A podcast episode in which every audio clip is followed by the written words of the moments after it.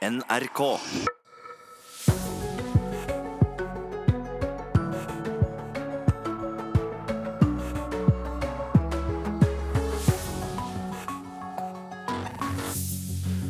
God morgen og velkommen til en eh, god nyhetsmorgen. Vi skal snakke mer om disse sakene i dag.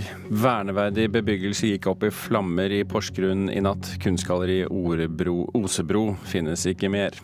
Senterpartiet krever at alle lensmannskontor som utsteder pass skal fortsette med det. Og bedre håndhygiene er nødvendig for å redusere antibiotikaresistente bakterier, men mange helsearbeidere vasker ikke hendene godt nok.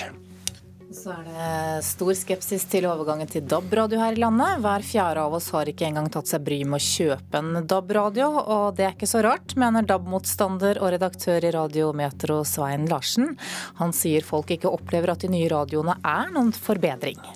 Problemet med DAB-en er at folk ikke opplever det. Og det er det som skaper eh, irritasjon og misnøye. Anette Lund Hansen, tilbake med Kulturnytt om eh, drøye kvarteret. Eh, I mellomtiden så må du slite med Birger Kålsrud Aasund i studio her. Vi begynner med Senterpartiet, som krever at alle lensmannskontor som i dag utsteder pass, skal kunne fortsette med det. Da får vi et alvorlig problem, svarer Justisdepartementet da. Men Senterpartiets justispolitiske talsperson Jenny Klinge, hun står på sitt. Ja, for oss i Senterpartiet så er det åpenbart at alle lensmannskontor som i dag utsteder pass, og, og som skal fortsatt bestå etter, etter politireforma, skal få fortsette også å utstede pass. Da tenker jeg at vi kommer til å få et alvorlig problem med å innfri kravene til kvalitet og sikkerhet rundt passutstedelsen. Svarer statssekretær i Justisdepartementet Tor Kleppen Settem fra Høyre. Han viser til at internasjonale organisasjoner har satt spørsmålstegn nettopp ved sikkerhet og kvalitet ved norske pass. Riksrevisjonen har også vært kritisk, ikke minst med tanke på kriminalitet og terrorisme. Vi må sørge for en struktur i passutstedelsen som gjør at vi for all del sikrer at det norske passet og de norske ID-kortene møtes med tillit ute i verden. For vi vil ikke oppleve at nordmenn blir nekta visum f.eks. til USA, eller blir til og med nekta innreise til en del land. I tilknytning til nærpolitireformen vedtok Stortinget for ett år siden å be regjeringen komme tilbake med en plan for utstedelse av pass. Den planen venter de fortsatt på. Det er fordi eh, vi har et veldig stort og komplisert pass- eh, og ID-utviklingsprosjekt. eh, Og det har blitt forsinka ganske mye. Og så lenge det ikke er på plass, har vi ikke hatt godt nok grunnlag for å komme med en plan, sier Settem. Men det er bare et tidsspørsmål. Noen få uker så kommer Stortinget til å få seg forelagt en sak. I tillegg til sikkerhet vil da lokalisering og avstander helt sikkert stå sentralt i debatten, til tross for at nytt pass ikke trengs så veldig ofte. Men Stortinget skal ikke peke ut hvor hvert enkelt passkontor skal ligge, mener justiskomiteens leder, leder Vågslid fra Arbeiderpartiet. Men eh, Arbeiderpartiets primærstandpunkt når vi diskuterte saken sist, i forbindelse med politireformen, det var at det ikke skulle være for lange avstander. Sammen med KrF foreslo de en maksreisevei på 45 minutter. Det fikk ikke flertall. Så vi får ta diskusjonen på nytt. Senterpartiets krav om passutstedelse ved alle lensmannskontor fikk heller ikke flertall i forrige runde. Men partiet har altså ikke tenkt å gi seg, ifølge Klinge. Det er helt uaktuelt at vi sitter med en hel masse lensmannskontor rundt omkring i landet som ikke skal få utstedt pass, og at eh, avstandene da blir enorm for ganske mange av eh, innbyggerne våre. Reporter her, det var eh, Katrin Hellesnes. Så skal vi til eh, brannen i Porsgrunn. Det begynte jo å brenne i byen i trehusbebyggelsen i går, og det ble ikke fullt ut slukket før i morgentimene i dag. Og nå driver eh, brannvesenet med etterslukking for å hindre at brannen blusser opp igjen. En stor eldre trebygning brant ned, og flere nabobygg ble evakuert. Og reporter Stian Vårsjø Simonsen, hvordan ser det ut der du er nå? Jeg står og ser på knuste takstein, det ligger knust glass i gatene. Og den store trebyggelsen er altså fullstendig utbrent. Iallfall er taket helt ødelagt. Og det er et trist syn som venter de som nå har stått opp og som kommer og ser på. For det er allerede en del mennesker som har kommet for å se på dette huset som da er totalskadd etter brannen i går. Kan du, kan du forklare oss litt, en... Stian, hvor, hvor, i byen dette huset er, og, og hva slags strøk dette er? Ja, det er eh, veldig tett på sentrum. Osebro heter området hvor det er restauranter. Det er et kunstgalleri som da har eh, brent, og det er eh, flere restauranter i området. Og det er mange mennesker som koser seg i denne delen av byen. Jeg står her sammen med ordfører i Porsgrunn, Robin Koss. Hva kan du si om, om brannen i går? Eh, det var en eh, veldig eh, stor brann, og dette er et vernet kulturhistorisk område med mange flotte, store trebygninger tett i tett. Så her var det full innsats fra brannvesenet i Porsgrunn, og vi fikk også hjelp fra brannvesenet i Skien og Bamble, som stilte med store mannskaper. Så 70 brannmenn i full aksjon. Det har vært et komplisert oppdrag som de har løst på en veldig god måte. Det har vært arbeid gjennom hele hele natta, det pågår fortsatt uh, slukkearbeider. Det var en veldig dramatisk brann. I flere timer så kunne man se flammene stå ut av bygningen, og lenge så hadde brannvesenet problemer med å få kontroll over brannen. Hvordan opplevde du situasjonen? Eh, vi har eh, meget dyktige brannfolk både i vår egen kommune og i nabokommunene. Men det er jo ikke tvil om at dette var en veldig stor og komplisert brann. Og det pågår fortsatt slukkearbeider. Men Eh, de har løst dette oppdraget på en eh, fantastisk eh, god måte, så de har klart å begrense skadene i forhold til hva som kunne skjedd. Når vi ser på hvor stor brannen har vært og hvor tett i tett det er med trehus her, så er det jo fantastisk at man har klart å begrense skadene såpass. Men det er jo trist med de store skadene som tross alt har vært. Det er mange mennesker som er evakuert pga. denne brannen. Hva kan du si om de? Eh, vi har evakuert 17 personer til et pårørendesenter som vi har oppretta på et eh, hotell. Eh, I tillegg så er det mange som er evakuert til familie, venner og kjente. Det er også en kommunal institusjon. Vi har flytta beboerne til andre institusjoner. Så det er mange som er berørt. Selve bygget her er jo et næringsbygg med et galleri som folk fra hele Norge besøker. Det er scene, det er kafé, restaurant, mange kontorer osv. som er eh, rammet og til dels eh, ødelagt av brannen. Ingen personer alvorlig skadd? Ja, det er eh, imponerende at man har klart å begrense skadene såpass at det er ikke meldt om alvorlige personskader. Og det er jo ikke heller vært spredning av brannen til andre bygninger. Men dette er jo en stor trebygning med mange fløyer, og det er jo sørgelig at det er så store skader. Det er uklart når folk kan få flytte hjem igjen, men brannvesenet vil holde på med etterslukning utover dagen. Det er helt sikkert. Ok, eh, Stian Worsø Simonsen. Eh, vi eh, ser hvordan det, det vikler seg ut. Så kommer vi eventuelt, spør vi deg eventuelt igjennom å rapportere litt. Vi jobber også nå med å få litt oversikt over hva som skjedde med dette galleriet, altså Galleri Osebro, som er et kunstgalleri i Porsgrunn. Vi kommer tilbake til det om ikke så lenge her i Nyhetsmorgen. I mellomtiden skal vi se litt på hva avisene skriver om i dag på sine forsider. Små melkebønder ønsker mer langsiktighet, skriver Nasjonen i dag, og snakker vel strengt tatt om melkebønder som ikke har så stor produksjon, mer enn kroppsstørrelsen går ut fra. Det er jordbruksoppgjøret vi snakker om. Bondeorganisasjonene ønsker i sitt krav til staten et eh, nytt målrettet tilskudd innrettet mot melkebruk med 15 til 30 dyr. Finansavisen skriver om eh, eks-eiendomsmegler eh, Steinar Moe, som syns det er for dyrt og slitsomt å bygge i Oslo. Han satser på utleieboliger og har opparbeidet seg en portefølje på leiligheter verdt 2,2 eh, milliarder kroner. Men Oslo, der anser han seg altså for å være ferdig. Vårt Land skriver om Mariahuset i dag, hvor det bor fire damer, tre av dem med nedsatt funksjonsevne. Over seks sider i avisen kan vi lese om det klosteraktige økumeniske fellesskapet på Frogner i Oslo. Forsvaret vil la de nye kampflyene ruste, hevder Klassekampen i dag. De nye F-35-flyene som skal stasjoneres på Evenes, får nemlig trøbbel med kjemikaliene Forsvaret vil bruke for å holde rullebanen på grensen mellom Nordland og Troms fri for is. Rustkostnadene er beregnet til 1,4 milliarder kroner til sammen.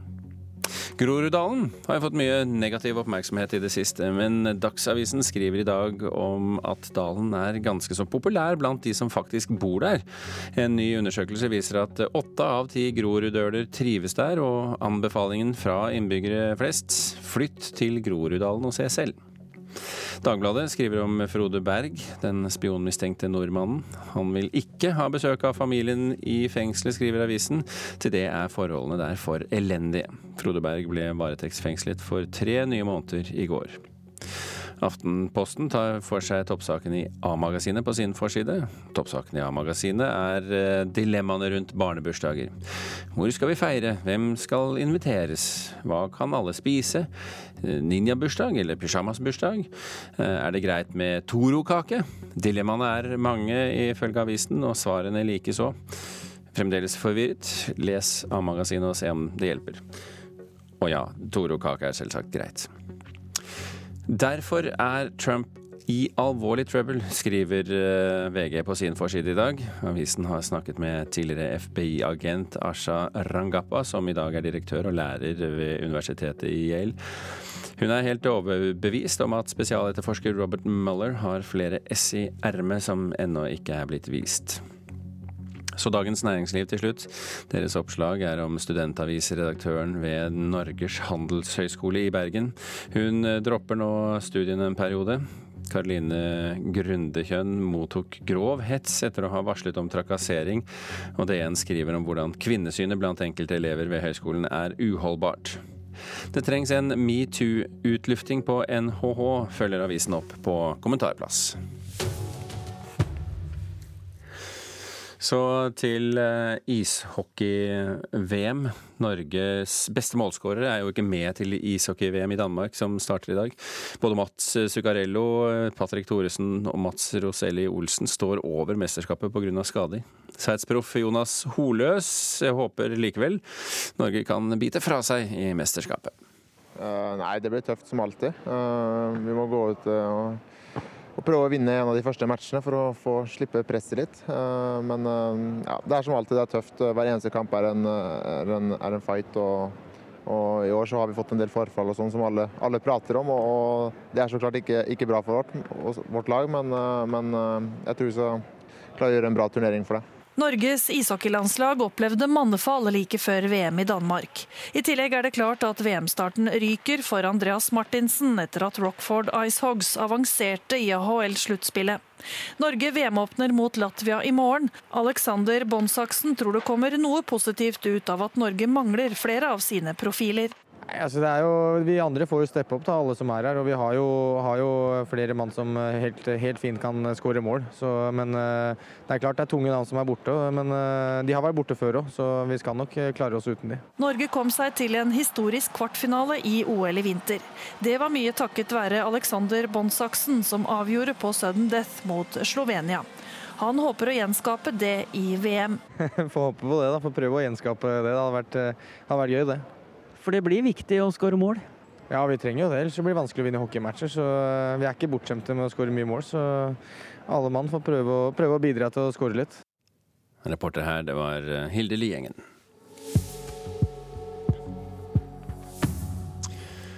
Klokken har passert eh, kvart på sju. Du hører på Nyhetsmorgen, og i dag forteller vi om at verneverdig bebyggelse gikk opp i flammer i Porsgrunn i natt. Kunstgalleri Osebru finnes ikke mer. Senterpartiet krever at alle lensmannskontor som utsteder pass skal fortsette med det. Og bedre håndhygiene er nødvendig for å redusere antibiotikaresistente bakterier, men mange helsearbeidere her i landet vasker ikke hendene sine godt nok har de ikke lest om Semmelweis, sier jeg bare. Mange helsearbeidere som ja, ikke vasker hendene eh, godt nok, kan eh, være med på å holde liv i antibiotikaresistente bakterier. I morgen 5. mai er det den internasjonale håndhygienedagen. Dagen eh, brukes til å skape oppmerksomhet om viktigheten av god håndhygiene. Og reporter Aina Innreiten hun lot hygienesykepleier Gine Skåtun sjekke om håndvasken til NRKs utsendte var god nok. Begynner du å ta vann på hendene dine? Jeg Nei, nå må jeg tenke meg om. Om jeg begynner med det først. Jeg er hos hygienesykepleierne på Sykehuset Vestfold og blir litt usikker når jeg får spørsmål om jeg tar vann eller såpe på hendene først. For håndvask er en rutine jeg sjelden tenker over. Jeg pleier ikke å gjøre det, tror jeg. jeg, tror jeg jo, men jeg pleier, nei, jeg pleier å ta såpa først. Og så tar jeg litt vann på den ene hånda. Og så pleier jeg jo da Så husk på mellom fingrene dine. Ja. Og husk på tannene. Flott. Så pleier jeg liksom å ta og så skru, såpe inn hendene mine. Og så skyller jeg. Kjempefint. Dommen fra hygienesykepleier Gine Skåtun er ikke så aller verst. Men jeg kunne gnidd såpa litt bedre inn og brukt litt bedre tid. Og dette med tid er den største feilen folk gjør. De er for raske. De får ikke gnidd såpa inn på alle mellom fingrene, og så glemmer de tomlene. For å bekjempe antibiotikaresistens må bruken av antibiotika ned, og for å få ned antibiotikabruken må antall infeksjoner reduseres. Og da er god håndhygiene viktig. Det er enkelt, det er det enkleste og det beste og det billigste tiltaket for å forebygge antibiotikaresistens. Helsepersonell får opplæring i god håndhygiene og har egne prosedyrer for dette. Og det er viktig for å unngå smitte fra én pasient til en annen. Nesten all sykehusbehandling er avhengig av antibiotika. faktisk Alle operasjoner, kreftbehandling. Og da er det viktig at eh, det den syke pasienten har av mikrober på seg, at det for den har hos seg, at det ikke blir dratt videre til andre pasienter. Og der er eh, håndhygiene da viktig. Men eh, hvor flinke er ja, helsearbeidere og andre til å vaske hendene riktig, da? Vi kan bli mye bedre. Det viser seg at vi Altså, det med å gjøre en tennene er en medisinsk prosedyre for oss helsearbeidere. Og det viser seg at vi gjør det under halvparten av de situasjonene vi egentlig skal gjøre det. Men også vi som ikke jobber i helsevesenet, bør passe på håndhygienen. Det er viktig for at ikke du skal ja, si f.eks. omgangssyke norovirus. altså Det er en fekal-oral smittevei. altså Det der med å være god på håndhygiene etter toalettbesøk, og alltid før du spiser. Og der står det dårlig til hos mange. Spesielt det med å vaske hendene før et måltid er det mange som lar være å gjøre. Jeg vet vi kan bli mye bedre på det. Vasker du hendene dine hver gang før du spiser? Nei. Nei, jeg, og du er, vi er, det er sånn det er. Vi tenker ikke over hvor viktig det faktisk er. Fra antiresistente bakterier til noe annet som ikke er så populært, Anne, uten sammenligning for øvrig. Ja, Det gjelder altså DAB-radioen som vi skal snakke om her i Kulturdelen nå. Det er stor skepsis her i landet, og det gjelder folk i alle aldersgrupper. Over halvparten av alle nordmenn, nemlig 57% er negative til overgangen, og hver fjerde av oss har ikke engang kjøpt en slik eh, radio. Det viser tall fra årets medieundersøkelse. Det den viser, er at eh, et flertall er skeptisk til DAB, og mener da at overgangen sannsynligvis ikke var nødvendig. Dette er Svein Larsen. Han sitter på sitt redaktørkontor og leter etter podkasten 'Hvem slukket lyset på FM'.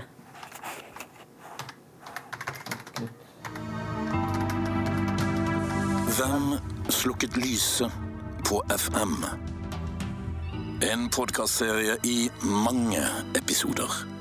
Den er laget av Kringkastingslaget, som selv kaller den en relativt ensidig og opplysende kommentar, basert på fakta og dokumentarisk materiale, formulert med et skråblikk. Dette er Radiometro. Jeg ønsker deg en riktig fin torsdag, og så skal du få kose deg med verdens fineste låt. Vi er på besøk hos Radio Metro i Oslo, der Svein Larsen er redaktør. Han har sett på undersøkelsen som Respons Analyse har gjort for Universitetet i Bergen. Den viser at 57% av befolkningen er negativ til DAB. Svein Larsen syns ikke det er noe rart, fordi de ikke opplever at de har fått noe som er bedre. Problemet med DAB-en er at folk ikke opplever det. Og det er det som skaper eh, irritasjon og misnøye.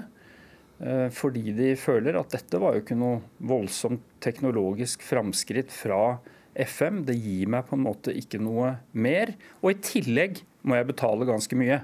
Én ting er jo radioapparater, et enkelt radioapparat, men bilene er jo en stor utfordring. Og det er jo der det går virkelig tregt, og det koster jo tusenvis av kroner. 28% har ikke kjøpt seg DAB-radio verken i bilen eller i hus og hytte.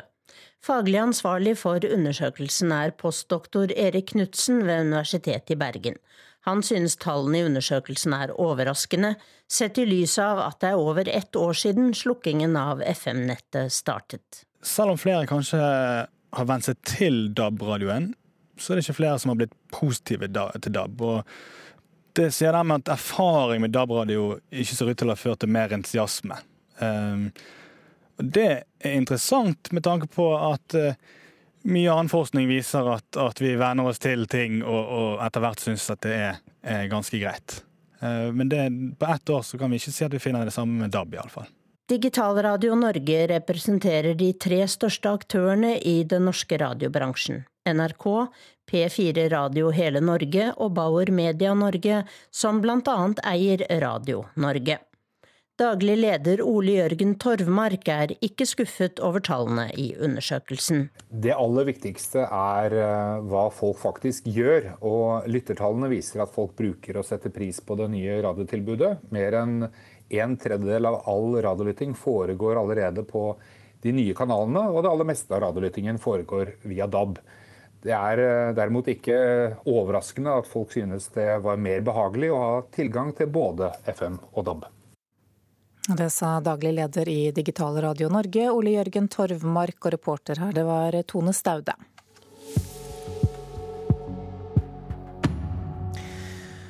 Nå skal vi tilbake til det som har skjedd i Porsgrunn i natt.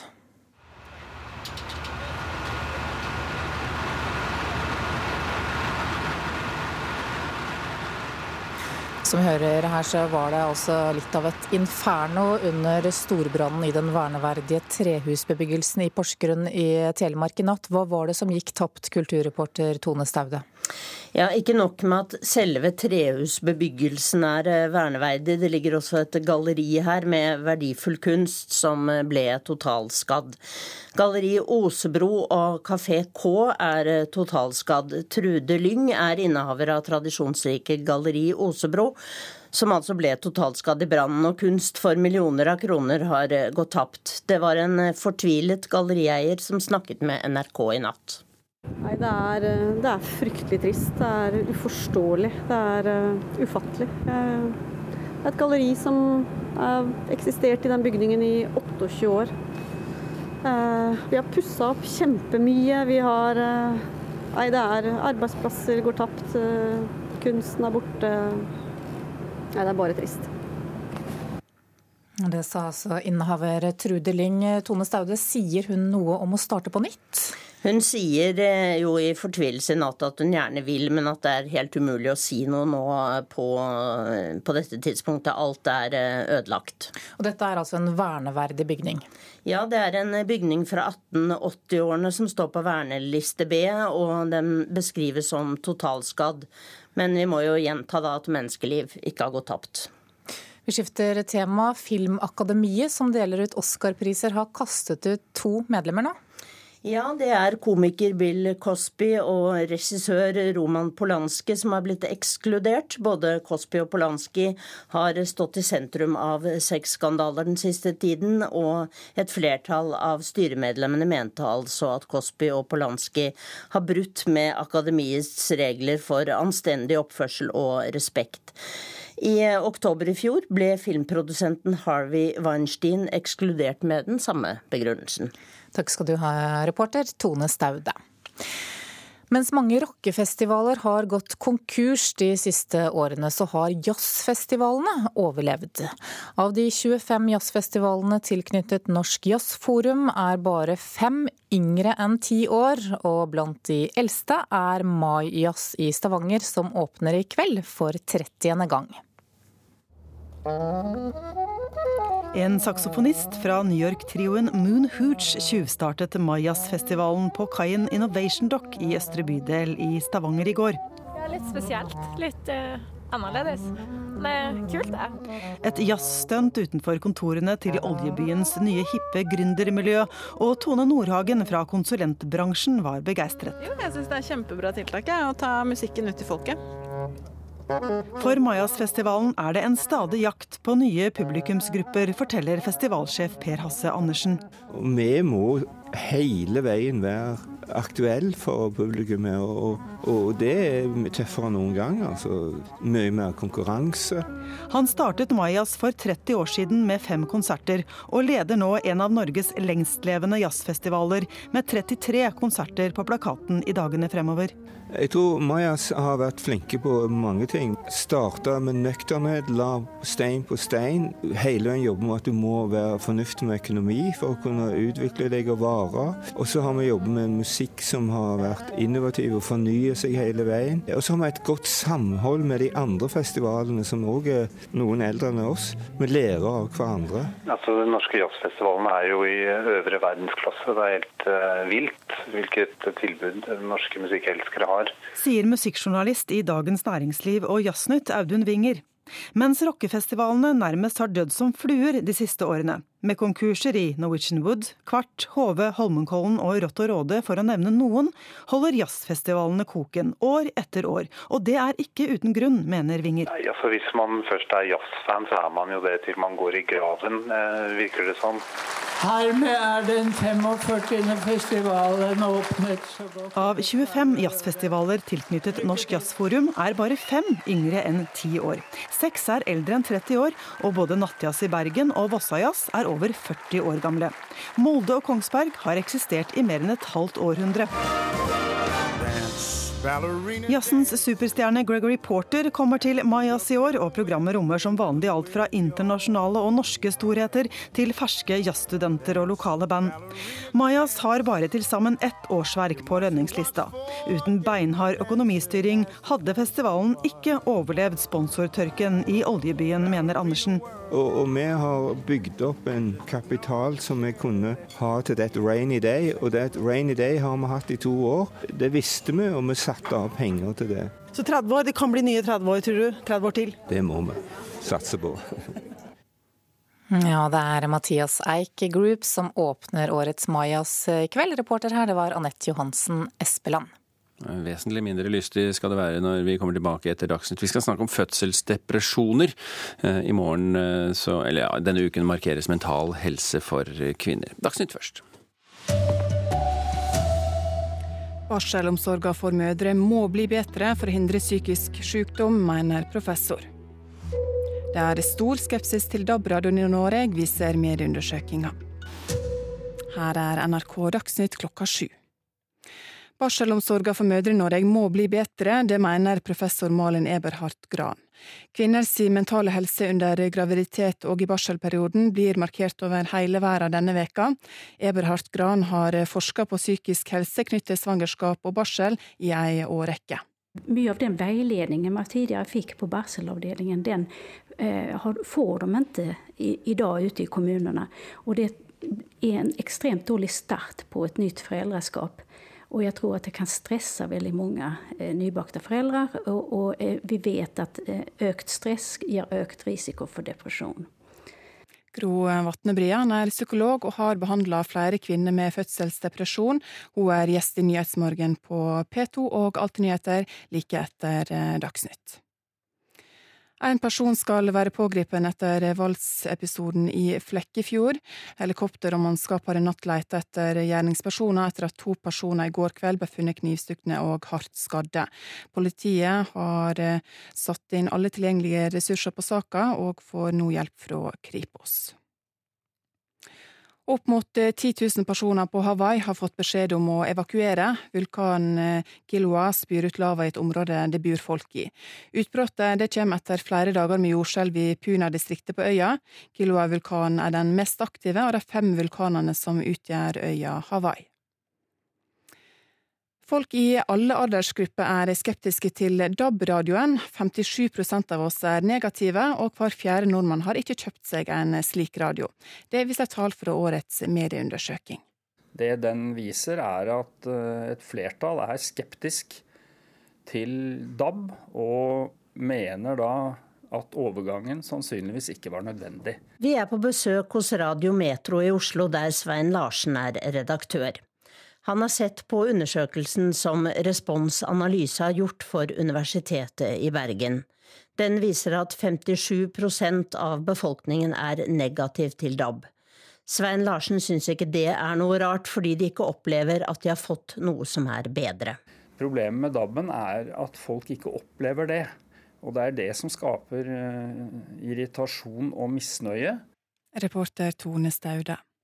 Brannen i Porsgrunn ble sløkt i dag tidlig. Brannvesenet driver nå ettersløkking for å hindre at den blusser opp igjen. En stor eldre trebygning brant ned, og flere fra nabohusene ble evakuerte. NRK Dagsnytt var ved Ingvild Ryssdal.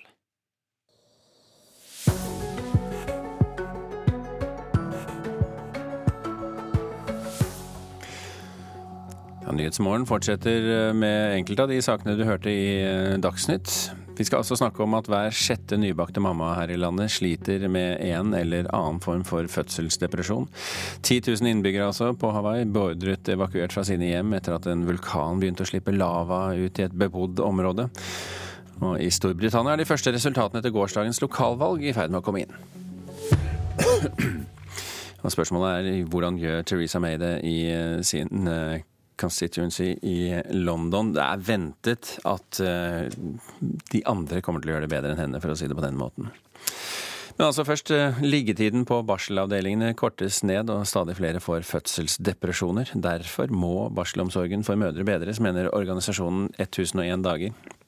Denne uken markeres mental helse for kvinner under graviditet og i barselperioden i hele verden. Marita Rendal var eh, en av dem som slet med psykiske plager etter fødsel. Etter å ha rista babyen min og slengt henne fra meg i senga og skrekket til henne, så er det akkurat som om jeg våkner og jeg skjønner at jeg må ha hjelp. Det som skulle bli den perfekte barseltiden, endte med en fødselsdepresjon for Marita Rendal. Ungen min plagdes med magen og ville verken spise eller sove, og hun bare skreik og måtte bæres hele tida. Ingen av oss sov, og jeg bærte og jeg skreik om hverandre i takt med babyen min hele dagen. Gradvis mista jeg kontrollen over meg sjøl, og jeg ble mer og mer brå og uforsiktig med henne. Og studier viser at hver sjette nybakte mor strever med psykiske plager. Lena Engelsen er leder i organisasjonen 1001 dager, som jobber for å bedre helsetilbudet til nybakte mødre. Hun mener tilbudet i dag ikke er godt nok. Jeg tenker at Hvis det skjer noe eh, fysisk, altså hvis de får somatiske plager, så får, så får man hjelp. Hvis man strever med lette til moderate psykiske plager, så er det ganske vanskelig å få hjelp. Men hvis det har gått så langt at man blir det som man kaller for syk nok, da får man hjelp så å si med en gang. Men da har det gått for langt. Professor Malin Eberhard Gran har i en årrekke forsket på psykisk helse i forbindelse med svangerskap og barsel. Hun mener at å ikke investere i de nybakte mødrenes helse kan gå utover barna. Altså det vi ser er at eh, vedvarende alvorlig depresjon som varer over tid, eh, nå snakker jeg ikke bare om tilfeldige depressive plager, men det varer over lengre tid, så, så, så, vet man at det er koblet til at eh, det er høyt risiko for skjevutvikling hos barna. Professoren mener penger må øremerkes til kvinner som nylig har født. Ja, jeg syns at utviklingen går litt i feil retning. Eh, og at vi må faktisk begynne å tenke på å bruke litt mer ressurser på, på, på den gruppen av nybakte foreldre. Og Marita Rendal ba til slutt om hjelp, men hun mener hjelpen burde kommet før det gikk så langt. Kontakta psykisk helse, og jeg får hjelp til å sortere tankene mine. og Legen eh, sykemeldte meg, og med hjelp fra Nav så overtok mannen min permisjon og kunne være hjemme i lag med meg. Og da var til uvurderlig hjelp for oss begge. Og Dokumentaren 'Mammasjokket' kan du finne på våre nettsider nrk.no hvis du vil se mer om dette. Reportere her det var Kristine Ramberg Aasen og Kristine Hirsti. Gro Atne Brean, eh, privatpraktiserende psykolog, også ansatt ved RBUP, eh, Regionsenteret for barne- og ungdomspsykiatri. Velkommen til eh, Nyhetsmorgen. Takk. Det er hjerteskjærende å høre sånne historier som dette her. Du har jo sikkert hørt noen hundre? Det er det som er så ille, at Maritas historie er én, men det er veldig, veldig mange som sliter med akkurat det samme. Hva er årsaken? Vi vet jo ikke helt, men det skjer jo både, både hormonelle og nevrobiologiske endringer mot slutten av graviditeten under fødsel og i tiden etterpå. Disse endringene skjer for at vi best mulig skal kunne ta vare på barnet vårt. Vi må liksom være mer sårbare for å kunne greie å møte det lille barnets behov. Men av og til så blir dette for vanskelig for de ulike kvinner. Vi vet ikke hvorfor, men noen kvinner strever mer enn andre. Det slår liksom over i negative negativ konsekvens, og da slår det på en måte over i, i mye angst, uro, uro og ulike psykiske symptomer. Det kan skje mm. under graviditeten. det kan skje under fødsel, eller ofte også kanskje de første dagene og ukene etter fødsel. Og da kommer det en naturlig reaksjon på det. De, de får skam i tillegg, ikke sant? Og det er jo, det, skal, Man tenker jo at det å være gravid og det å føde skal være den nydeligste, fantastiske tiden i livet. Og når man ikke kjenner på det, så er, kommer skammen. Mm. Er det et, et, poeng også i denne sammenhengen at, at vi er dårligere, altså vi, sier, altså, men norske kvinner er dårligere forberedt enn før? Vi lurer jo litt på om det kan ha en sammenheng med at vi har sett en tendens at det er mer økning i barseldepresjon nå, nå den siste tiden. At eh, vi er, vi er, på en måte litt dårligere forberedt, og blir kanskje også til en viss grad dårligere fulgt opp.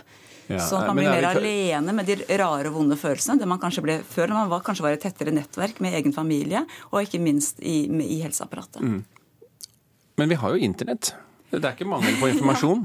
vi har masse internett, og der kan man google seg til de skremme, mest skremmende ting. Så internett i denne sammenhengen er faktisk til ganske liten hjelp. Ja, og kanskje... Når man sitter med en gråtende baby, så hjelper det ikke hva du googler deg fram til om gråtende babyer. Nei, for der fins det en rekke svar du egentlig ikke trenger. Som du absolutt ikke skal ha. Men hva gjør vi da? Det vi tenker at kvinner på en måte som har blitt sagt ofte at kvinner trenger i denne perioden, det er jo at de trenger gode rollemodeller, god omsorg og kanskje også møte med erfarne, andre erfarne mødre eller andre erfarne kvinner. Mm. Det vet man har en effekt. Så dette, så dette, med liggetid og kontakt med helsepersonell, at det kortes ned på? Vi er jo, effektiviseres? Er, ja, vi syns jo det er veldig skummelt at dette effektiviseres så til de grader. Og hvis man tenker på å kutte ned liggetiden enda mer, så det veldig, er det, kan det medføre enda større problemer. For det som er viktig med det er å lage et individuelt tilbud. Noen kvinner har det helt greit og kan fint komme hjem etter en dag eller to, mens noen kvinner trenger no, noe mer tid. Men er ikke det veldig komplisert og vanskelig å finne ut av der og da for en stressa jordmor? Hvis jordmødre får mer tid til å ha den gode samtalen med mødre etter fødsel, så kan mye av dette fanges opp, og man kan legge til rette for en bedre, bedre barseltid både for mor, mor og far, og ikke minst baby. Men hva er konsekvensene Eh, for de kvinnene som blir deprimert, det, har det konsekvenser utover den perioden de er deprimert og så kommer ut av igjen? Det som er, vi vet jo at eh, disse 1001 første dagene i barnets liv, fra unnfangelse til barnet er omtrent to år, er det mest avgjørende i forhold til barnets videre utvikling. Så når barnet på en måte ikke blir møtt godt nok i denne perioden, så kan det få store konsekvenser for på en måte barnets, eh, barnets utvikling. Både sosioemosjonelt og kognitivt. Men de aller, aller fleste mødre og barn greier å få til dette av seg selv. Men det er helt, helt avgjørende når vi har denne kunnskapen, at vi kan hjelpe de som ikke får det til. Men når du sier det sånn som det, så, så er det jo sannelig ikke rart at skammen kommer heller, da? Absolutt ikke. Men vi må tørre å si det for å greie å få skaffe god nok hjelp til disse mm. kvinnene. Og da må vi ha mer åpenhet rundt det. Er det bedre tid på sykehuset for de trengende som er det universalsvaret her? Jeg tenker at både at, at, man får et individuelt tilpasset opplegg. Både bedre tid på sykehuset, men også selvfølgelig en bedre, bedre opptrapping av kommunehelsetjenesten. Sånn at jordmødrene kan følge de fantastiske retningslinjene som er der, med tidlig hjemmebesøk etterpå. Mm. Har du noe tro på at det kommer til å skje i eh, vår tid av effektivisering ved sykehusene? Jeg håper at vi greier å lage en endring med nok kunnskap og nok erfaring. Var du diplomatisk nå? Tja. ok. Gro Atne Breen, eh, privatpraktiserende psykolog. Takk for at du var med oss her eh, i Nyhetsmorgen.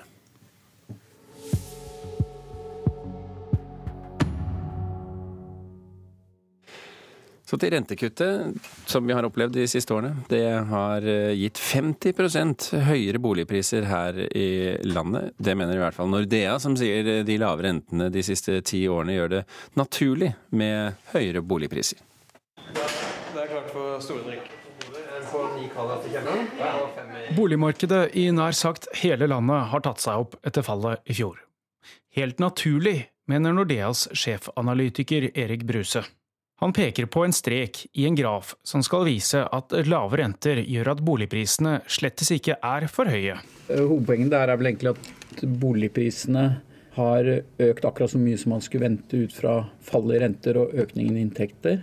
Dette er ganske voldsomt. Hvis vi ser fra 2008 her, så er det jo en sånn omtrent en tredjedel av en boligs verdi i dag skyldes rett og slett at det er lavere renter enn det man har hatt før? Ja, lavere rente gjør at eh, det er mye billigere å finansiere boligkjøp. Eh, og det, det gir et økt etterspørsel etter boliger, og da skal boligprisene stige mye. Og, og, så det er en helt naturlig effekt av lavere renter. Folk setter seg ned og regner.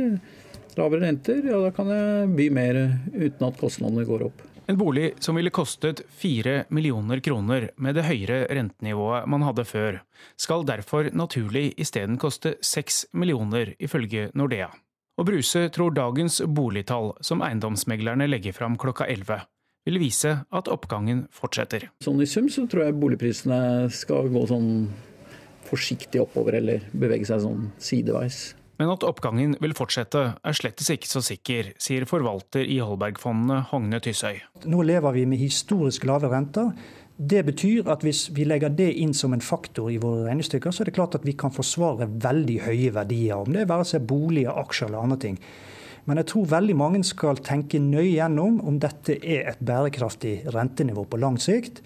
Personlig så tør jeg i hvert fall ikke eh, vedde på det. Hva har du gjort med ditt eget lån? Jeg bygget bolig for noen få år siden, og den ble, som den for de fleste blir noe dyrere enn det som eh, eh, man kanskje beregner i utgangspunktet, så jeg har litt lån på den. Og i fjor så fant jeg ut at jeg låste mine boliglånsrenter på ti år, som jeg gjorde under 3% og det er en god forsikring mot at muligens rentene stiger. Men akkurat nå går det ganske greit for de som skal selge. Ja. Da fikk vi et bud til på 20 000 til. Reporter her var uh, Trond Lydersen. Og så er det en halvtime omtrent til Politisk uh, kvarter. Astrid Randen, du har kommet for å fortelle litt om hva dere skal snakke om. Ja, i Politisk kvarter i dag så skal du få høre to debatter. Den første den handler om dobbelt statsborgerskap. Regjeringa vil gjøre det lettere for folk å ha to pass fra to ulike land. Dette vil svekke ikke lojaliteten til som borgerne har til nasjonalstaten, mener Per Olaf Lundteigen fra Senterpartiet. Han får eh, svar på tiltale fra Sveinung Rotevatn i Venstre, som eh, kaller det Lundteigen sier for noe nasjonalistisk vrøvl. Så skal du få høre om et ungdomsparti som har snudd i saka om legalisering av narkotika. De som har blitt sett på som de streiteste, går nå inn for full legalisering av alt fra cannabis til heroin. Og møter et skeptisk moderparti til debatt. Og hvilket moderparti og ungdomsparti snakker vi om? Nei, det får du høre klokka 7.45. det er dårlig gjort. Ok. Astrid Randen, Politisk kvarter om en halvtime.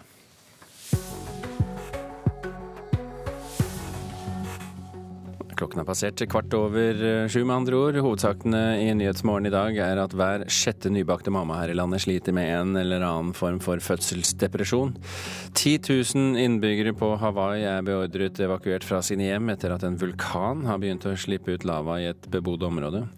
Og i Storbritannia er de første resultatene etter gårsdagens lokalvalg kommet inn.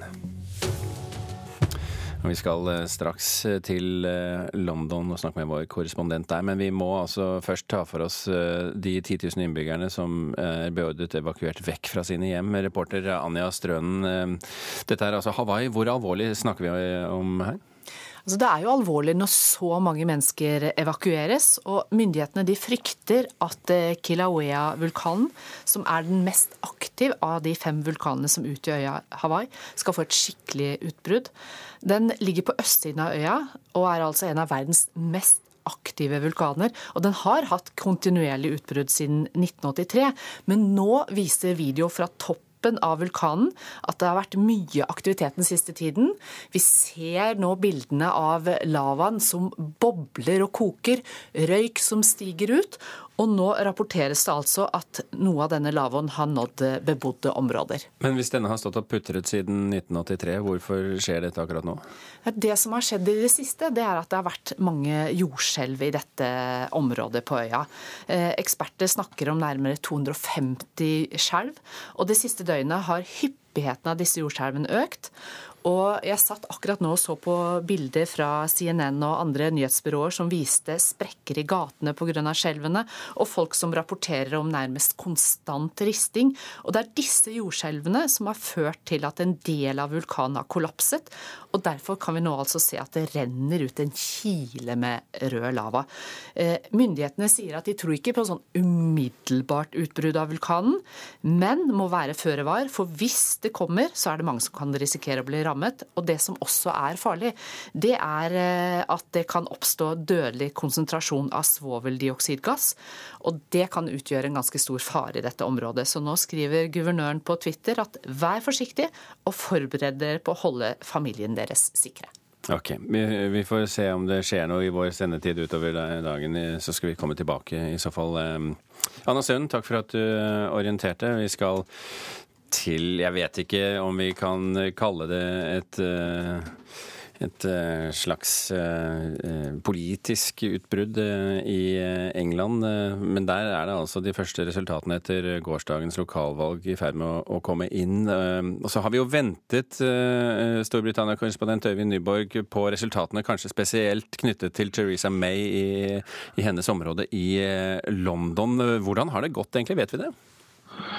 Ja, Nå har jo resultatene tikket inn her i løpet av natten. og Det viser seg det at eh, det går mye bedre for Theresa May enn det meningsmålingene har antydet.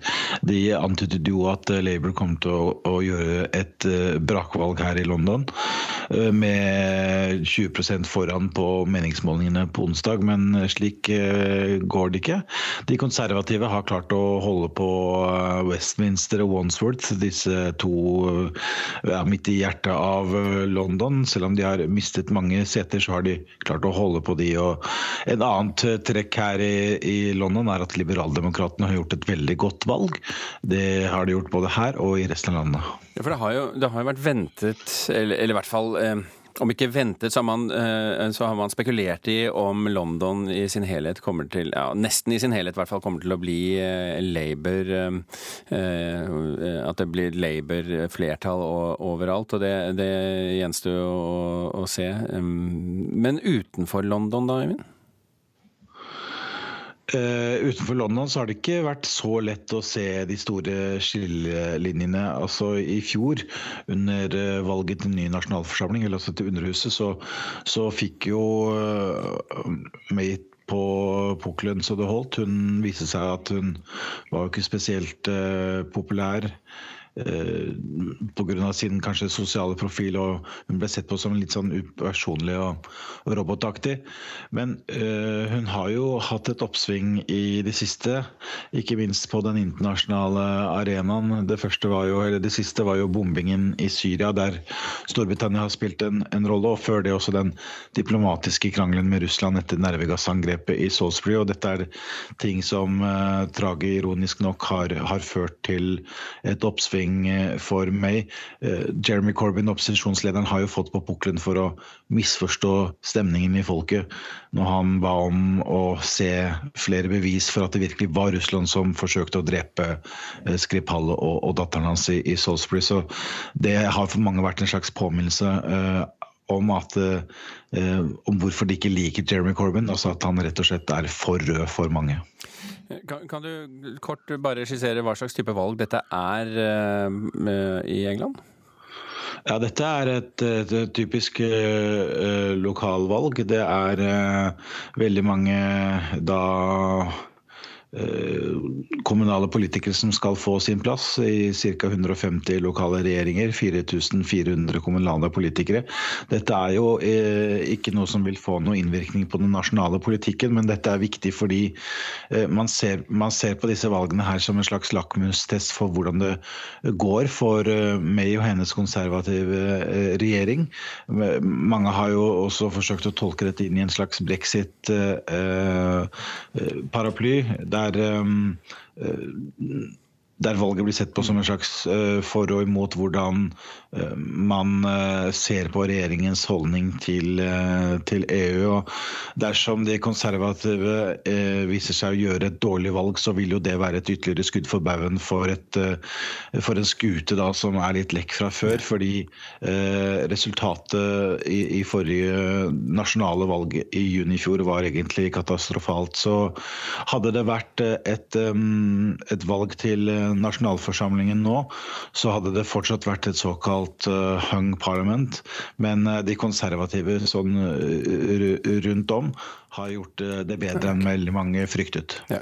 Øyvind Nyborg, eh, takk for at du orienterte der. Vi tar eh, veien fra England til Tyrkia, for der er det jo også valg snart. I juni så, så er det jo presidentvalg der, og kandidatene som skal utfordre president Erdogan begynner å bli klare. En kvinne og flere menn forbereder seg på å dra land og strand rundt for å drive valgkamp. Venstresidens presidentkandidat derimot, han sitter i fengsel om å forsøke å sanke stemmer fra bak murene.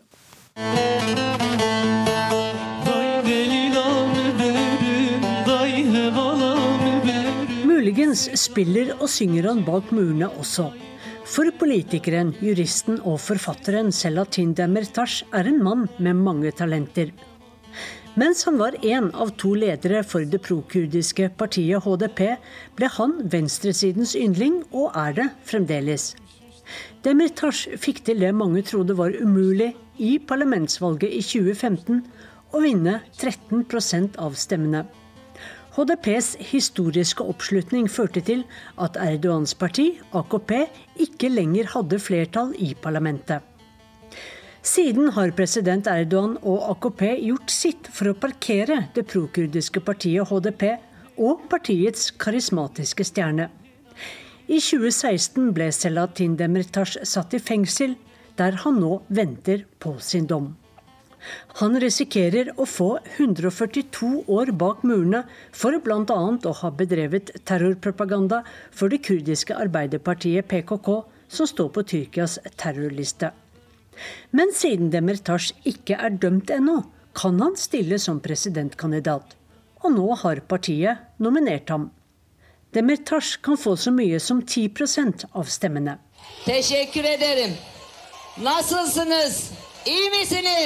Hvordan har dere det?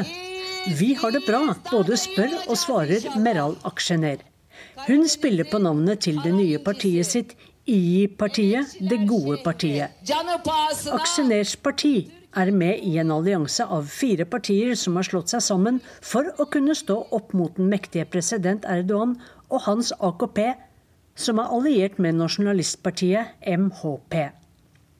Det er ventet at Meral Aksjener, som kalles Hundulven av sine tilhengere, kan få rundt 24 av stemmene. Det største opposisjonspartiet, CHP, grunnlagt av landsfader Atatürk, utnevner sin kandidat i dag. Mest sannsynlig blir det Moharrem Inje, fysikklæreren som ble parlamentariker.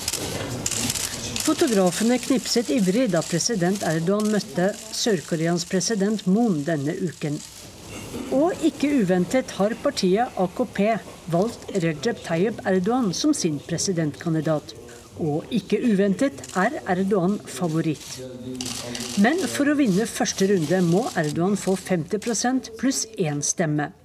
Nå viser målinger et sted mellom 41 og 47 Erdogan planlegger et massemøte på en idrettsgalla i en europeisk by for å sikre seg viktige stemmer fra tyrkiske statsborgere i Europa. Alle forberedelsene er klare, sier Tyrkias president, uten å nevne hvilken by han skal til. Det er ennå sju uker til valget, og mye kan skje underveis. Korrespondent Sissel Wold rapporterte fra Istanbul. Ferske mopedførere er svært utsatt for uhell og ulykker. Det viser tall fra Transportøkonomisk institutt.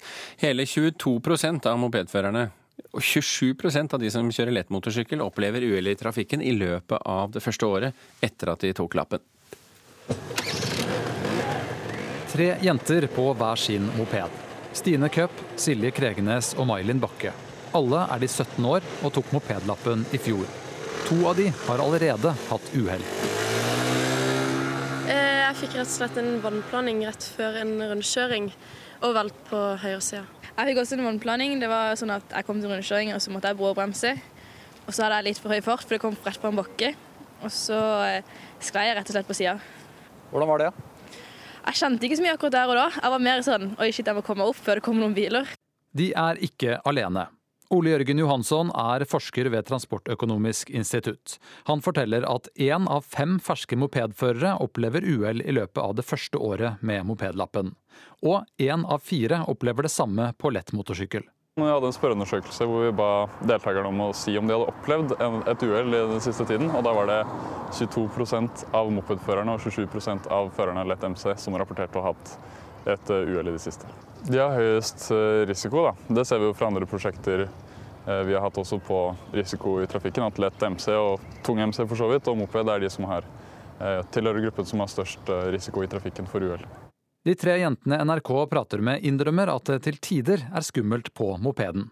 Jeg syns kanskje at bilister kan ta enda mer hensyn, fordi det er veldig mange av de som ikke vet hvordan det er for oss å sitte på den scooteren eller mopeden og kjenne det vindkastet vi får når de kjører forbi oss i 80 km i timen. Og at eh, det er veldig mange som på en måte kjører oss rett i baken. og Det er ikke så behagelig når du sitter på den scooteren og du vet at det er ikke så mye som skal til for at vi velter eller vi får det vindkastet fra sida. Jim Levi Løyning og Johan Larsen tar i disse dager mopedlappen.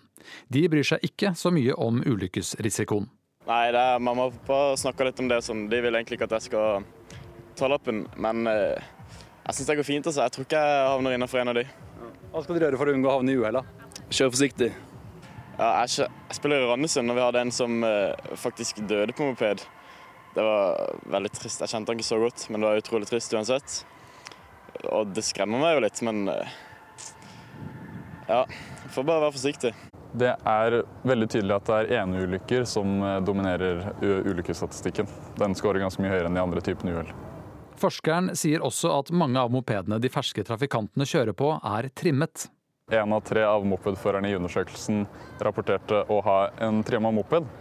Og det tenker vi spiller inn på en sånn større Eh, risikoatferdsgruppe. At dette er litt sånne unge sjåfører som ikke har så mye erfaring, f.eks.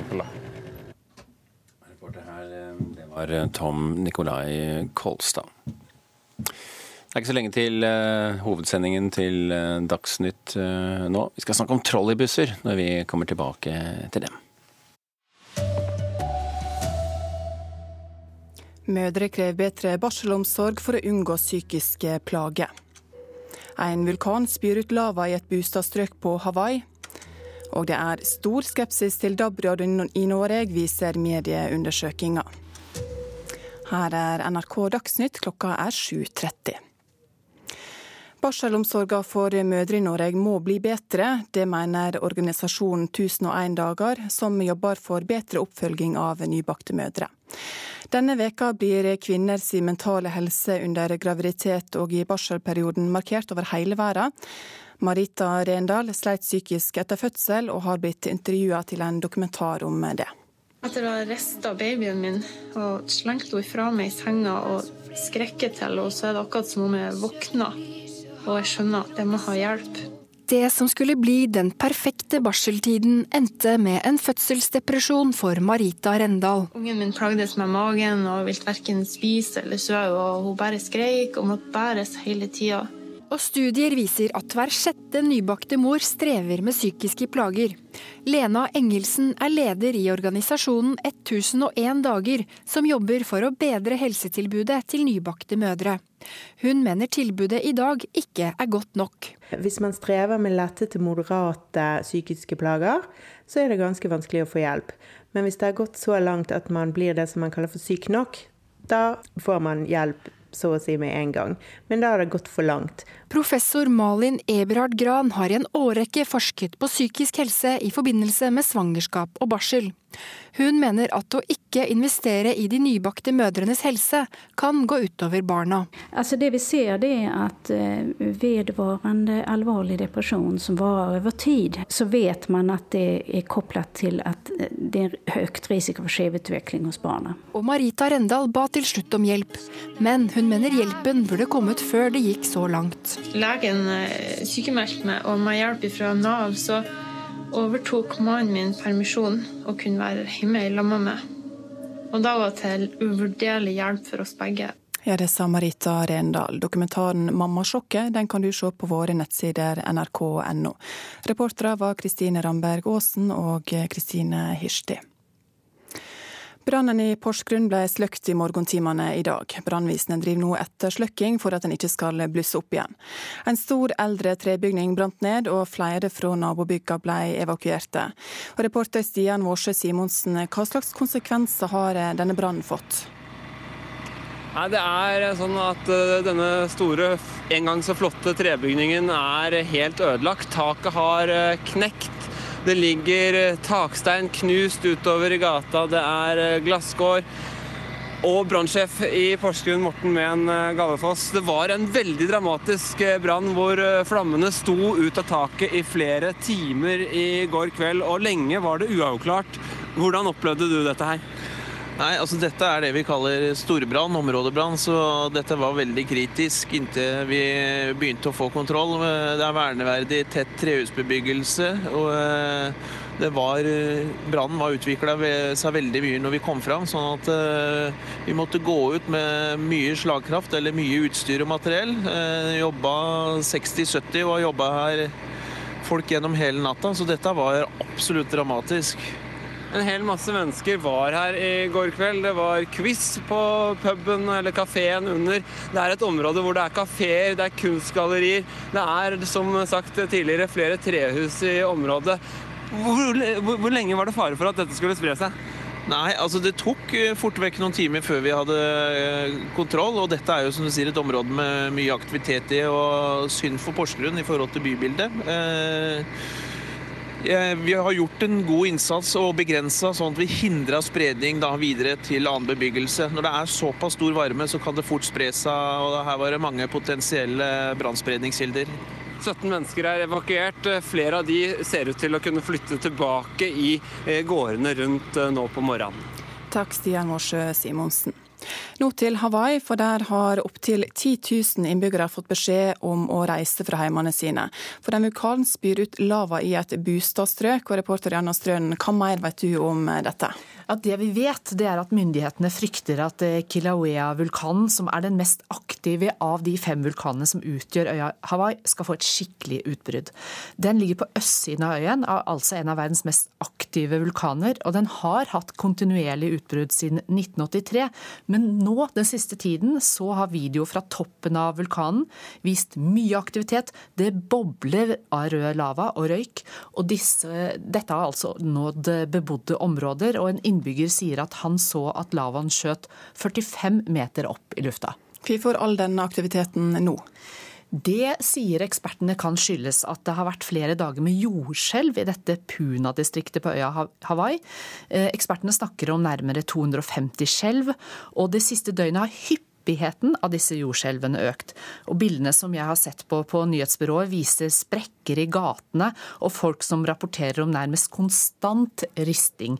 Og Myndighetene har nå også advart om en potensiell dødelig konsentrasjon av svoveldioksidgass som kan utgjøre en fare i dette området. Vær forsiktig, forbered dere, forbered dere på å holde familien deres sikre, skriver guvernøren nå på Twitter. Takk for den oppdateringa, Anja Strønen. Vi har nettopp fått melding om at eh, selskapet Oceanwood blir ny eier i Norske Skog. Selskapet har inngått en aksjekjøpsavtale for kjøp av samtlige aksjer i Norske Skog. Det melder Norske Skog i pressemelding nå nettopp. Oceanwood er et uavhengig investeringsselskap som ble grunnlagt i 2006. Det investerer bl.a. i offentlige pensjonskasser og har kontor i London og på Malta. Senterpartiet krever at alle lensmannskontor som skriver ut pass, skal fortsette med det. Da får vi et alvorlig problem, svarer Justisdepartementet. Men Senterpartiets justispolitiske talsperson Jenny Klinge står på sitt. Ja, for oss i Senterpartiet er det åpenbart at alle lensmannskontor som i dag utsteder pass, og, og som skal fortsatt bestå etter, etter politireforma, skal få fortsette også å utstede pass. Da tenker jeg at vi kommer til å få et alvorlig problem med å innfri kravene til kvalitet og sikkerhet rundt passutstedelsen. Svarer statssekretær i Justisdepartementet Tor Kleppen Settem fra Høyre. Han viser til at både Riksrevisjonen og internasjonale organisasjoner har satt store spørsmålstegn nettopp ved sikkerhet og kvalitet. Vi må sørge for en struktur i passutstedelsen som gjør at vi for all del sikrer at det norske passet og de norske ID-kortene møtes med tillit ute i verden. For vi vil ikke oppleve at nordmenn blir nekta visum f.eks. til USA, eller blir til og med nekta innreise til en del land. Stortinget venter nå på at Justisdepartementet skal komme med en plan for fremtidens passstruktur, som skal behandles før sommeren. I tillegg til sikkerhet vil lokalisering og avstander helt sikkert stå sentralt i debatten. Senterpartiet tapte forrige gang saken var til behandling, men holder fast ved sitt krav. Det er helt uaktuelt at vi sitter med en hel masse lensmannskontor rundt omkring i landet som ikke skal få utstedt pass, og at eh, avstandene da blir enorme for ganske mange av eh, innbyggerne våre. Reporter i dette innslaget var Katrin Hellesnes. Folk i alle aldersgrupper er skeptiske til DAB-radioen. 57% av oss er negative, og hver fjerde nordmann har ikke kjøpt seg en slik radio. Det viser en undersøking Respons Analyse har gjort for Universitetet i Bergen. DAB-motstander Svein Larsen i Radiometro mener det skyldes at folk ikke føler de får noe mer med en DAB-radio enn det de hadde før.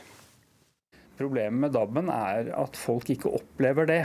Og det er det som skaper eh, irritasjon og misnøye. 28% har ikke kjøpt seg DAB-radio verken i bilen eller i hus og hytte. Digitalradio Norge representerer de tre største aktørene i den norske radiobransjen. NRK, P4 Radio Hele Norge og Bauer Media Norge, som blant annet eier Radio Norge. Daglig leder Ole Jørgen Torvmark er ikke skuffet over tallene i undersøkelsen. Det aller viktigste er eh, hva folk faktisk gjør. Og lyttertallene viser at folk bruker og setter pris på det nye radiotilbudet. Mer enn en tredjedel av all radiolytting foregår allerede på de nye kanalene, og det aller meste av radiolyttingen foregår via DAB.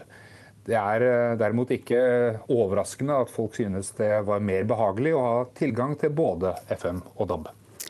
Det sa daglig leder i Digitalradio Norge, Ole Jørgen Torvmark. Reporter var Tone Staude. En person skal være pågrepet etter en voldsepisode i Vest-Agder. To personer ble funnet alvorlig skadd i Flekkefjord i går kveld. Politiet får nå hjelp av Kripos i etterforskninga.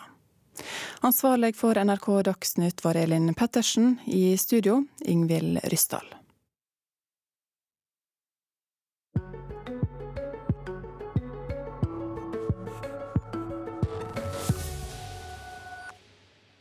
Jeg vet ikke om du har sett det, eller eventuelt husker det, men i Bergen så går det altså disse trolleybussene rundt i byen. De kjører på strøm, og strømmen den får de fra ledninger oppe i, i lufta. Eh, og så har det seg slik at nå skal de eh, tradisjonsrike, strømdrevne trolleybussene få et moderne batteri inni seg, sånn at de kan kjøre også der det ikke er strømledninger. Linje 2 til Birkelundstoppen i Bergen er den eneste gjenværende trolleybusstraseen i Norge. Dette er som en trikk uten skinner, der bussen kjører under strømledningene og får elektrisitet gjennom de karakteristiske lange stengene på busstaket. Trolleybuss er en som har da, ledninger eh, som uh, gir strøm. Da. Og uh, de har vel eksistert ganske lenge. Sier passasjer Knut Langeland idet bussen passerer Landåstorget. Bergen fikk trolleybusser i 1950 og hadde to traseer fram til 1995. I Oslo og Drammen ble bussene utkonkurrert av diesel. Nå skal de tradisjonelle trolleybussene i Bergen pimpes opp med topp moderne batteri, og Enova gir nesten 40 millioner kroner. Eh, Dette er en kombinasjon av den sjarmerende gamle trolleybussteknologien og moderne lade- og batteriteknologi. Det sier administrerende direktør Nils Kristian Nakstad i det statlige selskapet Enova. De støtter nyskapende energiprosjekt. Men hva skal en trolleybuss med batteri? De har jo allerede strøm fra ledningene. Når man er kobla på nettet, og den infrastrukturen det investeres i nå, så kan vi lade batteriet underveis og sørge for at man har fleksibilitet eh, til å kjøre andre plasser hvor det ikke eksisterer nett. Så dette er et godt miljøprosjekt, et godt klimaprosjekt og et godt kollektivprosjekt for deler av byen vår. Sier fylkesordfører i Hordaland Anne Gine Hestetun i Arbeiderpartiet. Poenget er å unngå kjøreledninger gjennom de sentrale bygatene, når trolleytraseen skal forlenges gjennom sentrum over Puddefjordsbroen og utover Laksevåg. Midt på ruta skal bussene derfor koble seg automatisk av strømledningene og gå på batteri. Det er veldig nytt fordi at du forbinder trolleybuss med ledning. For eh, såpass eh, voksen jeg at jeg har fulgt meg gjennom mange år. Sier Ingrid Økland, som er på vei hjem til Langhaugen. Vi utnytter den gamle ideen med hvor trolleybussene var kobla på nettet hele tida, og videreutvikler den i et pilot i Bergen som gir læring både for Bergen, men også for andre formål i Norge og i verden for øvrig sier direktør Nakstad i Enova. Vi har ambisjoner om nullutslippstransport i de store norske byene. Og på veien dit så må vi prøve ulike teknologier. Her er ett eksempel. Men vi prøver flere ting. Og i første omgang er det buss- og persontransport. Vi håper at dette også lar seg anvende til godstransport. Og uh, kanskje også til og med under lengre transporter og distanser enn det vi ser i dag. Du eh, slipper å kjøre til et depot for å få lada. Du får lada underveis, og det gjør at teknologien teknologien skal hjelpe oss å løse dette på en mye smidigere måte. Ja, Det blir jo veldig spennende, og det virker jo veldig fremtidsrettet. Det er jo den veien det går med biler også. Det blir jo elbiler mer og mer.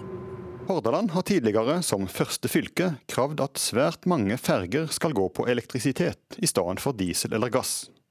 Nå får fylket også et pilotprosjekt for batteridrevne busser, som blir lada fra strømnettet underveis medan de kjører sier fylkesordfører Hestetun. Jeg vil påstå, og med stor stolthet, at eh, Hordaland fylkeskommune i godt samarbeid med Bergen og andre har klart å løfte klima- og miljøsatsingen til nye høyder. Det gjelder på ferje, og det gjelder når, eh, selvsagt Bybanen, og nå også trolleybussene. Og så eh, har vi fokus på det hver eneste dag. Den forlenga traseen, der trolleybussene også har batteri, skal etter planen være klar om to år. Det sa vår reporter Leif Rune Løland. Så har det akkurat kommet inn meldingen om at det britiske investeringsselskapet Oceanwood var det selskapet som gikk av med seieren i kampen om Norske Skog. Oceanwood kjøper altså nå Norske Skog.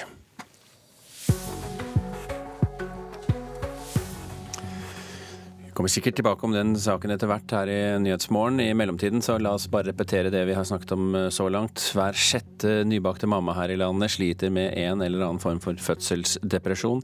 10 000 innbyggere på Hawaii er beordret evakuert fra sine hjem etter at en vulkan har begynt å slippe ut lava i et bebodd eh, område. Vi nærmer oss Politisk kvarter her i Nyhetsmorgen med stormskritt. Astrid Randen sitter klar i Studio 51 med sine gjester.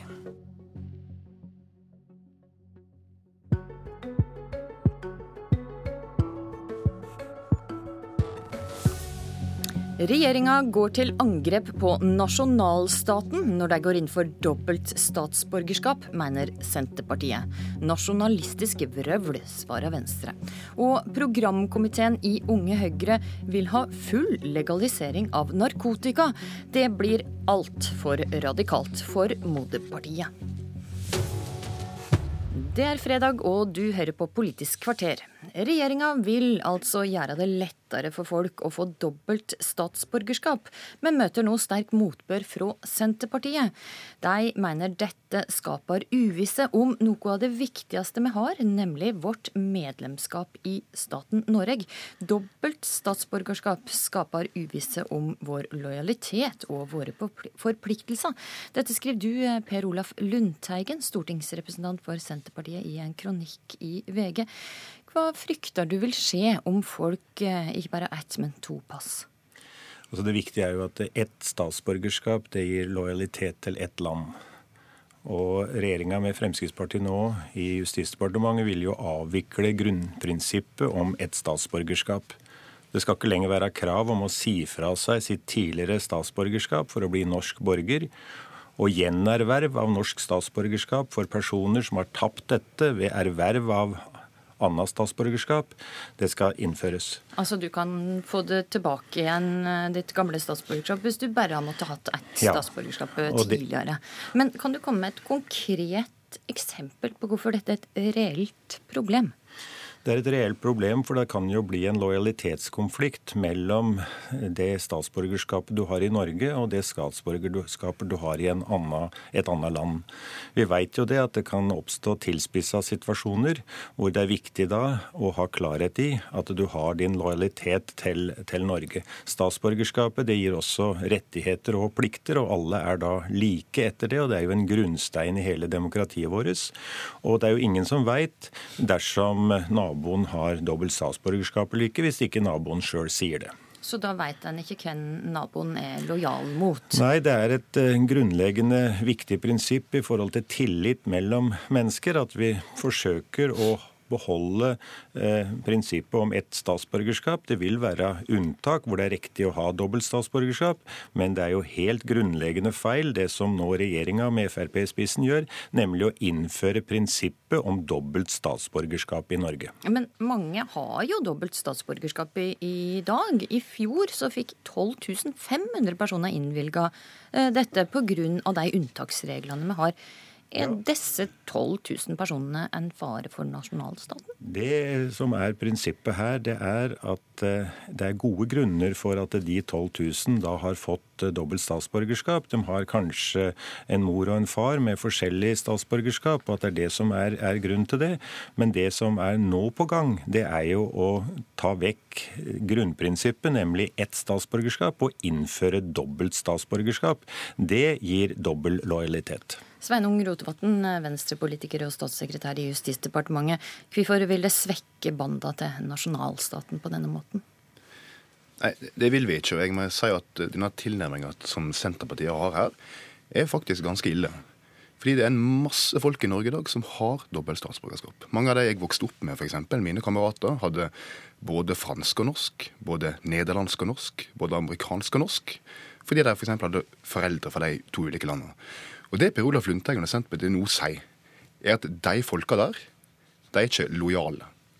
De folka der skal du mistenkeliggjøre. Ja, som jeg sier, Naboen kan ikke være helt sikker på hvor en har dem. Og vet du hva, sånn syns jeg faktisk ikke at vi skal eh, se på det som er norske borgere. Det dette okay. handler om, er jo å gjøre hverdagen enklere for folk. Det er en masse folk i dag, ikke minst nordmenn i utlandet, som når de da ønsker å ta fullt del i f.eks. det amerikanske samfunnet og ha stemmerett der, så blir de tvunget til å si fra seg sitt norske statsborgerskap. For de får ikke lov å beholde det. Jeg syns at vi skal kunne være litt rausere enn det og si at det går faktisk an å bo i et annet land og være deltaker der, i demokratiet der, men også muligheten til å kanskje flytte tilbake til Norge en gang og ikke kutte alle bånd til der du kommer fra. Det er det det forslaget handler om, og det syns jeg det er synd at Senterpartiet nå går til så hardt angrep mot. Lundteigen, du mistenker norske borgere og naboen din på en ufin måte? Nei, det gjør jeg ikke. Jeg eh, sier det at eh, en grunnleggende verdi i Norge er eh, tillit. En grunnleggende verdi er å bygge fellesskap. En grunnleggende verdi er at alle borgere skal ha like rettigheter og like plikter. Det Men du setter jo spørsmål basisen. ved lojaliteten til deg som i dag har dobbelt statsborgerskap? Ja, det kan oppstå situasjoner hvor at eh, du kommer i en lojalitetskonflikt eh, dersom de to land som du har statsborgerskap til, kommer i en spent situasjon. Mm. Det er jo bare sunt vett. Ser du det, Rotevatn, at det faktisk kan skje? Nei, Det er tydelig at vi har veldig forskjellig tilnærming til det. her. For at Jeg som liberaler mener at det er ikke slik at, det er borgerne, at staten eier borgerne sine. Det er borgerne som eier staten. Og det å drive og mistenkeliggjøre borgere på den måten der, i en eller annen tenkt konflikt, det syns jeg er en uting. Jeg syns faktisk det er ganske ufint. Eh, og det er faktisk slik at alle våre naboland tillater dobbelt statsborgerskap. De fleste europeiske land tillater det. Eh, og jeg tror kanskje det er på tide at Senterpartiet nå våkner opp og kjenner lukta av det 21. århundret. Det er faktisk slik at veldig mange har tilknytninger til ulike land gjennom familie, gjennom jobb, gjennom studier. Og det at vi skal drive og gjøre hverdagen deres mye vanskeligere enn den trenger å være ved å inndra det norske passet deres hvis de f.eks. blir franske statsborgere, det syns jeg vi skal slutte med. Det har Sverige slutta med, det har Danmark slutta med, det har Finland slutta med, og det bør Norge slutte med. Har disse landene mindre lojalitet, innbyggerne i disse landene mindre lojalitet enn det vi har i Norge? Altså alle våre naboland og de fleste europeiske land? Lundteigen? Altså Det at eh, folk har tilknytning til flere land, det er jo, det er jo helt naturlig og det er jo helt, eh, helt, greit. Det er jo ikke det vi snakker om. Vi snakker jo om det viktigste av alt, nemlig statsborgerskap og innføring av dobbelt statsborgerskap. Som altså er eh, tillatt og har blitt innført i samtlige av våre naboland og de fleste europeiske land. Og, og mitt spørsmål gikk da på har, har de landene noen problem som vi ikke har i Norge? Det er et eh, krevende spørsmål å, å svare på. Men eh, det som er sentralt her, det er jo at eh, det er et faktum at når du har dobbelt statsborgerskap, og de to land kommer i en situasjon hvor det er svært ulike oppfatninger av hva som er rett og galt i den tilspissa situasjonen som skal være, så har vi en vanskelig situasjon. Og det er ingen grunn til å endre da den unntaksbestemmelsen som vi har i dag. Den skal beholdes, men det å innføre prinsippet om dobbelt statsborgerskap, det gjør jo at det en av hele byggesteinene for nasjonalstaten, som Senterpartiet er veldig tilhenger av, i motsetning til Venstre. Vi ser på nasjonalstaten som den svakestes sterkeste vern. Vi ønsker å styrke det demokratiet som er der, og styrke da den tilknytning som er til det norske demokratiet. Ok, Lundteigen, der fikk du eh, faktisk eh, siste ord. Eh, takk for at du kom i studio. Takk også til det, Sveinung Rotevatn. Forslaget fra regjeringa blir fremma før sommeren, og det er flertall for dette i Stortinget, så dermed blir det blir trolig vedtatt i høst. Programkomiteen i Unge Høyre vil avkriminalisere bruk av all narkotika. Alt fra hasj til heroin skal bli lovlig å bruke her i landet. Det kommer fram i forslag til nytt prinsipprogram som skal opp på landsmøtet deres. Og Syver Hanken, du leder prinsipprogramkomiteen i Unge Høyre. Hva vil det oppnå ved ei full legalisering? Altså, for det første så lurer vi oss sjøl hvis vi tror at forbudslinja plutselig kommer til å begynne å fungere igjen. Det eksisterer allerede i dag et marked for narkotika som er åpent 24 timer i døgnet, sju dager i uka. Enten det er på internett du bestiller det, eller du finner det på gata, så er det allerede i dag et marked. Spørsmålet er om vi da skal fortsette å la det få lov til å fungere i uregulerte former, eller om vi skal flytte det inn i strengt regulerte former. Og la meg bare få understreke det med en gang. Dette her er ikke snakk om noe frislipp. Det skal fremdeles være strenge reguleringer reguleringer på hvem som kan kjøpe, når de kan kjøpe og hvor de kan kjøpe. Vi vil også ha ulike reguleringer for ulike rusmidler, fordi noen er farligere enn andre. Ja, Hvem skal f.eks. få lov til å kjøpe cannabis, da? Altså, cannabis er jo et av de minst farlige rusmidlene. sånn at uh, Uten at vi har en ferdig skissert løsning på akkurat hvordan dette kommer til å se ut, så er det jo åpenbart at det er et av de rusmidlene som kommer til å være mer tilgjengelig. Og hvis vi Hva med prøver... heroin, da, f.eks.? Hvem skal få kjøpe det? Nei, Der mener vi at eh, det burde for være en slags rettferdiggjort da, i hermetegn grunn til at man burde få det. Der burde det være en lege involvert. Det kan f.eks. tas inn i LAR-ordninga, som vi allerede i dag ser fungerer godt. I Sveits har man gode eksempel på at man har egne heroinklinikker. Det finnes veldig mange ulike måter å regulere dette på. Spørsmålet er om vi vil fortsette å la det fungere på en, sånn som i dag, på en åpen, uregulert russcene, eller om vi skal flytte det inn i ordna former. Hvem er det som skal stå for produksjon og distribusjon og salg? Vil det være en statlig oppgave, eller skal private ta seg av dette? Altså, Vi ser nok for oss at dette er staten som kommer til å ta ansvar for. Men eh, som sagt, for, fordelen med å være en prinsipprogramkomité er at vi slipper å komme med alle de nøyaktige løsningene. Dette må jo selvfølgelig også utredes sikkert mange ganger. Men vi setter en retning der vi sier at eh, vi har prøvd lenge nok å ha dette her i uregulerte og ulovlige former. Nå er det på tide å ta ansvar, sørge for at dette blir regulert og at det skjer i skikkelige former. Mari Holm Lønseth, stortingsrepresentant for eh, Høyre. Hvordan reagerer det i voksen-Høyre på ungdomspartiet sitt nye og det må vel være lov å si ganske radikale forslag? Det er et eh, radikalt forslag som jeg også håper det at eh, landsmøtet til Unge Høyre også stemmer ned. For det man faktisk egentlig går inn for, enten Syverhanken vil eller ikke, det er et frislipp av tunge narkotiske stoffer som heroin, amfetamin og GHB. Jeg mener at konsekvensen av det forslaget som kommer fra Unge Høyre her, det er flere flere rusmisbrukere, flere overdosedødsfall og mer lidelse i tida som kommer. Og Det mener jeg at gjelder uavhengig av om du selger på gata eller om du selger i butikken. Når du øker tilbudet, sånn som Unge Høyre her foreslår, så tror jeg også at det vil nå ut til flere. Og jeg mener også at det sender et ganske alvorlig signal om at denne type eh, rusmisbruk ikke er så alvorlig som det, og det mener jeg tar samfunnet vårt i gæren retning. Hanken, vil ikke flere byrge med narkotika når det faktisk er lovlig å kjøpe det og bruke det? Det er veldig lett å tro og tenke det, men hvis du ser på sånn som de f.eks. har gjort det i Sveits, der har man egne heroinklinikker der de som er tunge rusmisbrukere og har, som jeg sa i sted, et rettferdiggjort på en måte behov for tunge rusmiddel, får det. Da fjerner det også de åpne russcenene som nettopp bidrar til rekruttering til de samme miljøene. Her i Bergen for eksempel, så kunne jeg når som helst gått over Puddefjordbruen og oppsøkt et sånt miljø. Hvis det hadde skjedd i ordna former, hadde ikke det miljøet vært der. Sånn at Tvert imot så, kan man hindre rekruttering til de tunge, tunge miljøene ved å regulere det på en skikkelig Men, måte. Syver, jeg har aldri møtt en narkoman som har fortalt meg at eh, de er glad for det valget de tok med å bli, bli Eller at de ble rusmisbrukere. Jeg har derimot møtt veldig mange som forteller dem at de lever i en lidelse som de ikke unner noen andre å stå i. Ved at man åpner mer for narkotika, så åpner man også for at enda flere blir rusmisbrukere i tida som kommer. Det mener jeg at det er helt useriøs retning å gå i, når vi heller burde se på hvordan vi skal hjelpe dem som allerede sliter. Det gjør vi iallfall ikke ved å åpne for enda flere rusmidler enn hva det er vi allerede har i dag. Ja, nei, altså, bare for å ta akkurat det, da, for, Hvordan kan vi hindre rekruttering blant unge, f.eks. Det man eh, ser i USA, der man, i noen stater der man har legalisert det, er at nettopp fordi at du kan begynne å regulere det også blant unge, så går bruken blant unge ned. Sånn at det at det er noe sånn automatikk i at hvis du regulerer dette strengt, og at det da skal bli et slags frislipp der flere begynner å bruke det, det er på ingen måte gitt. Så du, du vil legalisere for å få mindre bruk av narkotika? Ja, altså, jeg tror i hvert fall at Nå har vi prøvd i en generasjon med en slags krig mot narkotika som ingen mener har fungert.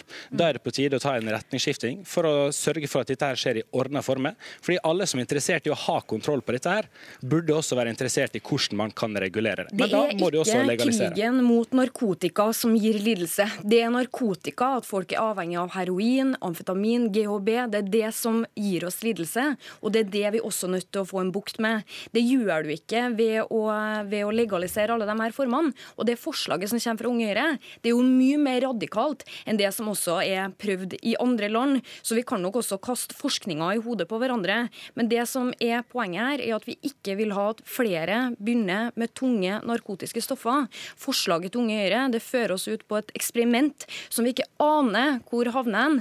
Og jeg mener at det er viktig at Høyre fortsatt sier tydelig nei til legalisering av narkotika. Syver Hanken, kort til slutt. Det er altså en delt programkomité som går inn for dette. Hvordan skal du få med det resten av ungdomspartiet på, på dette her? Jeg tror at Når eh, Unge Høyre ser på de erfaringene vi gjør oss i resten av verden, og så vet også Unge Høyre at det er et konservativt ungdomsparti vi tar utgangspunkt i det samfunnet vi har, og ikke det samfunnet vi ønsker oss eller skulle ønske vi hadde.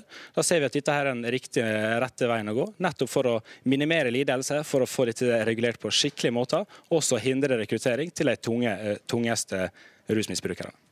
Og eh, landsmøtet til Unge Høyre det er i, senere i juni. Syver Hanken eh, og Mari Holm Lønseth, takk for at det var med i eh, Politisk kvarter, som nå går mot vegs ende. I studio denne morgenen var Astrid Randen.